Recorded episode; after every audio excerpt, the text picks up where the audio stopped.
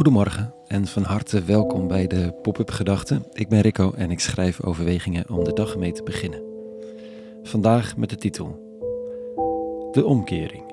Pop-up Gedachten dinsdag 9 januari 2024.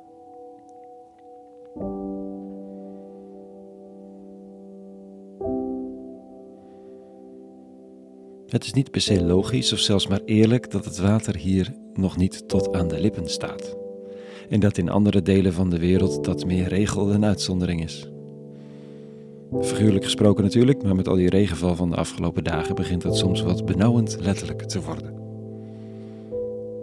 Kijk, je kunt natuurlijk persoonlijke situaties niet vergelijken. Een westeling in Zweden kan het moeilijker hebben dan iemand in Jemen, in theorie. Maar de geschiedenis, de situatie en de kwetsbaarheid van het leven in Jemen is gemiddeld genomen eindeloos veel zwaarder dan die in zo'n Scandinavisch land. En is dat eerlijk? Nou, nee. Het is. Je bent er geboren of niet.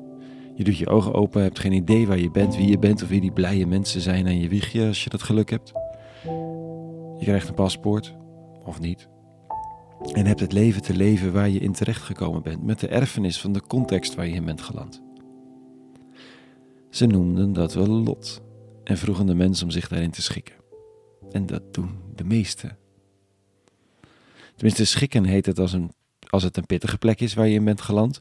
Dankbaar als dat een luxe positie is waar je in bent terechtgekomen.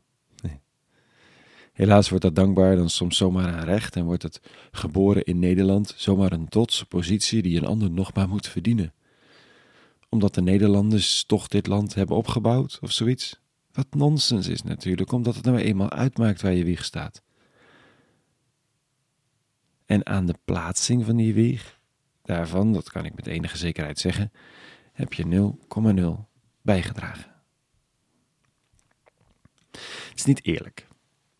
Dat sowieso. Er is geen gelijkheid om mee te beginnen.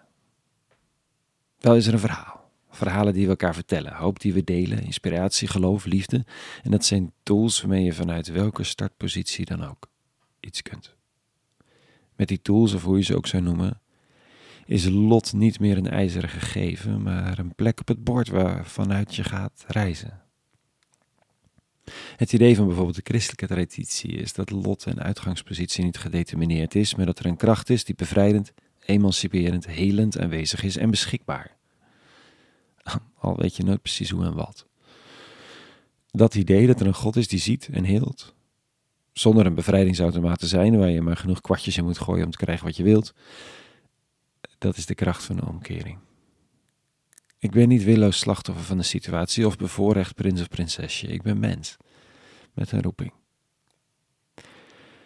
En de realiteit van geloven is dat de roeping vaak omkeringen teweeg brengt. In die ogenschijnlijk zo harde realiteit, die oneerlijk verdeelde wereld. Dat is de herhaalde poëzie uit Bijbelse bronnen. Mensen in kwetsbare posities die de omkering meemaakten. En vandaag in de lezing de lofzang van Hanna, die gepest werd door de tweede vrouw van haar man uit jaloezie en vanwege haar kinderloosheid. Ja, polyamorie was deel van het leven blijkbaar, wordt zonder commentaar vastgesteld in de lezing van de dag. Hanna zingt dit.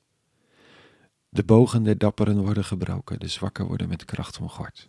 De rijken moeten hun brood gaan verdienen. Die honger, leed, hoeft geen werk meer te doen. De kinderloze baart er zeven, de schoot van de moeder verdort. Klinkt als wraak misschien, maar het belang van deze tekst is niet eens Hanna zelf, maar de echo die door de hele Bijbelse teksten heen klinkt. Van Mozes, Maria, David, Paulus. Mensen in onmogelijke posities die plekken innemen waarop de zeven vinkers vanzelfsprekend aanspraak maakten. De dappere is niet meer vanzelfsprekend in de lied, de rijke moet aan de bak.